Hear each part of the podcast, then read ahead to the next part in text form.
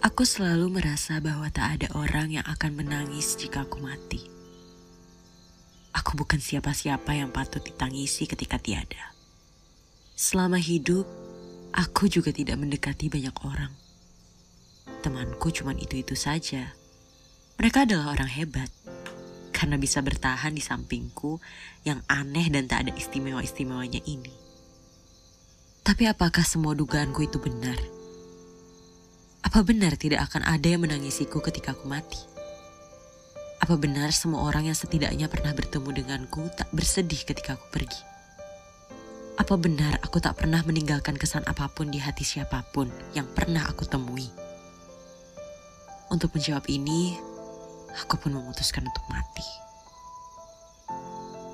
Setelah melakukannya, aku bebas berkeliaran, melihat siapa saja yang datang melayat ke rumahku. Aku bisa melihat siapa saja yang menangisiku. Aku bisa tahu reaksi sebenarnya dari mereka ketika aku tiada. Reaksi yang tak akan pernah aku lihat saat masih ada di dunia. Aku sangat menantikan saat-saat di mana aku bisa melihat itu semua dan mendapatkan jawaban dari pertanyaanku selama ini. Akhirnya hari itu tiba. Aku bisa melihat semuanya. Tak lama setelah aku tiada, orang-orang hadir di rumah orang tuaku. Kebanyakan adalah tetangga dan kerabat dekat. Tapi ada juga beberapa wajah asing yang baru pernah aku lihat. Aku jelas tak mengenalnya. Mungkin mereka adalah kerabat jauh atau kenalan orang tuaku. Aku menerobos keramaian orang di sana dan masuk ke ruang tamu rumah sederhana milik orang tuaku. Aku tak akan menceritakan keadaanku. Rasanya aneh melihat diri sendiri di sana. Mari fokus dengan wajah-wajah sendu di sekeliling tubuhku. Orang tuaku jelas sedih melihat anak bungsunya sudah tiada. Kakakku, dia bersandar di bahu bibiku sambil tertegun. Matanya merah. Hidungnya juga. Sepertinya ia menangisiku begitu lama. Kita sangat dekat dan aku sangat menyayanginya. Tak heran jika dia menangis ketika aku lebih dulu pergi meninggalkannya. Aku harap kesedihan ini tak bertahan terlalu lama. Agar kakakku dapat kembali berbahagia dengan hidupnya. Teman-temanku, tak banyak yang datang.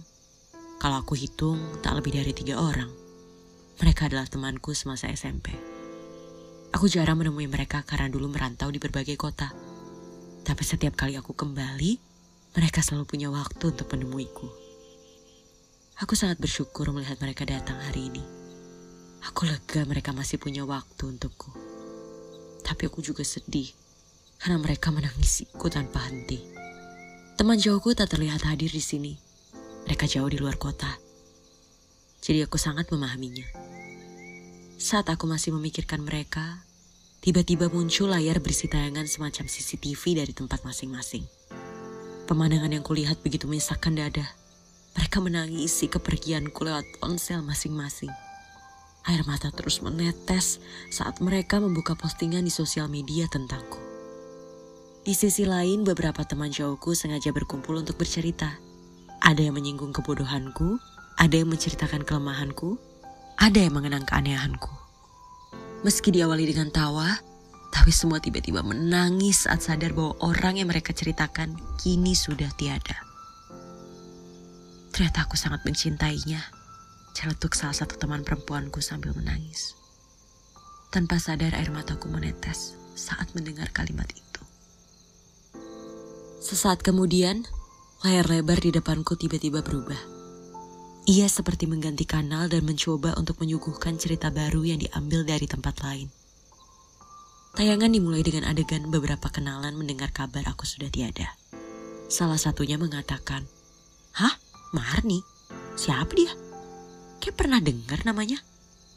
Tentu saja ada orang-orang yang tak begitu mengenaliku seperti dia. Tapi ya sudah, aku memang bukan presiden yang dikenal semua orang kok.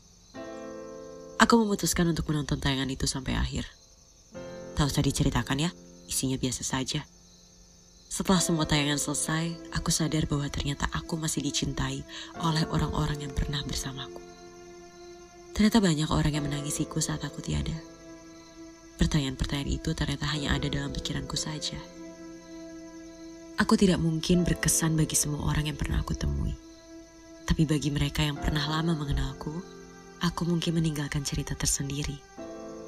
Aku tidak pernah tahu siapa yang menangis ketika aku tiada. Tapi sekarang aku sadar bahwa pasti ada yang menangisi kepergianku, walaupun hanya segelintir saja. Meski harus dibayar dengan kematian, aku tak menyesal karena akhirnya bisa mendapatkan jawaban-jawaban itu.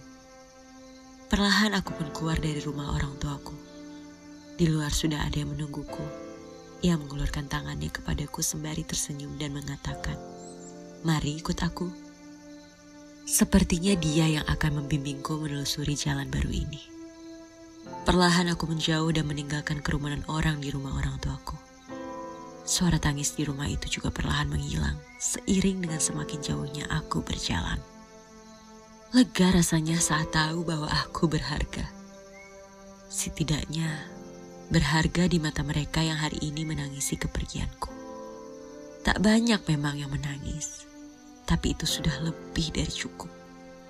Aku juga tak pernah membayangkan akan banyak orang yang menangisiku. Aku tahu siapa aku.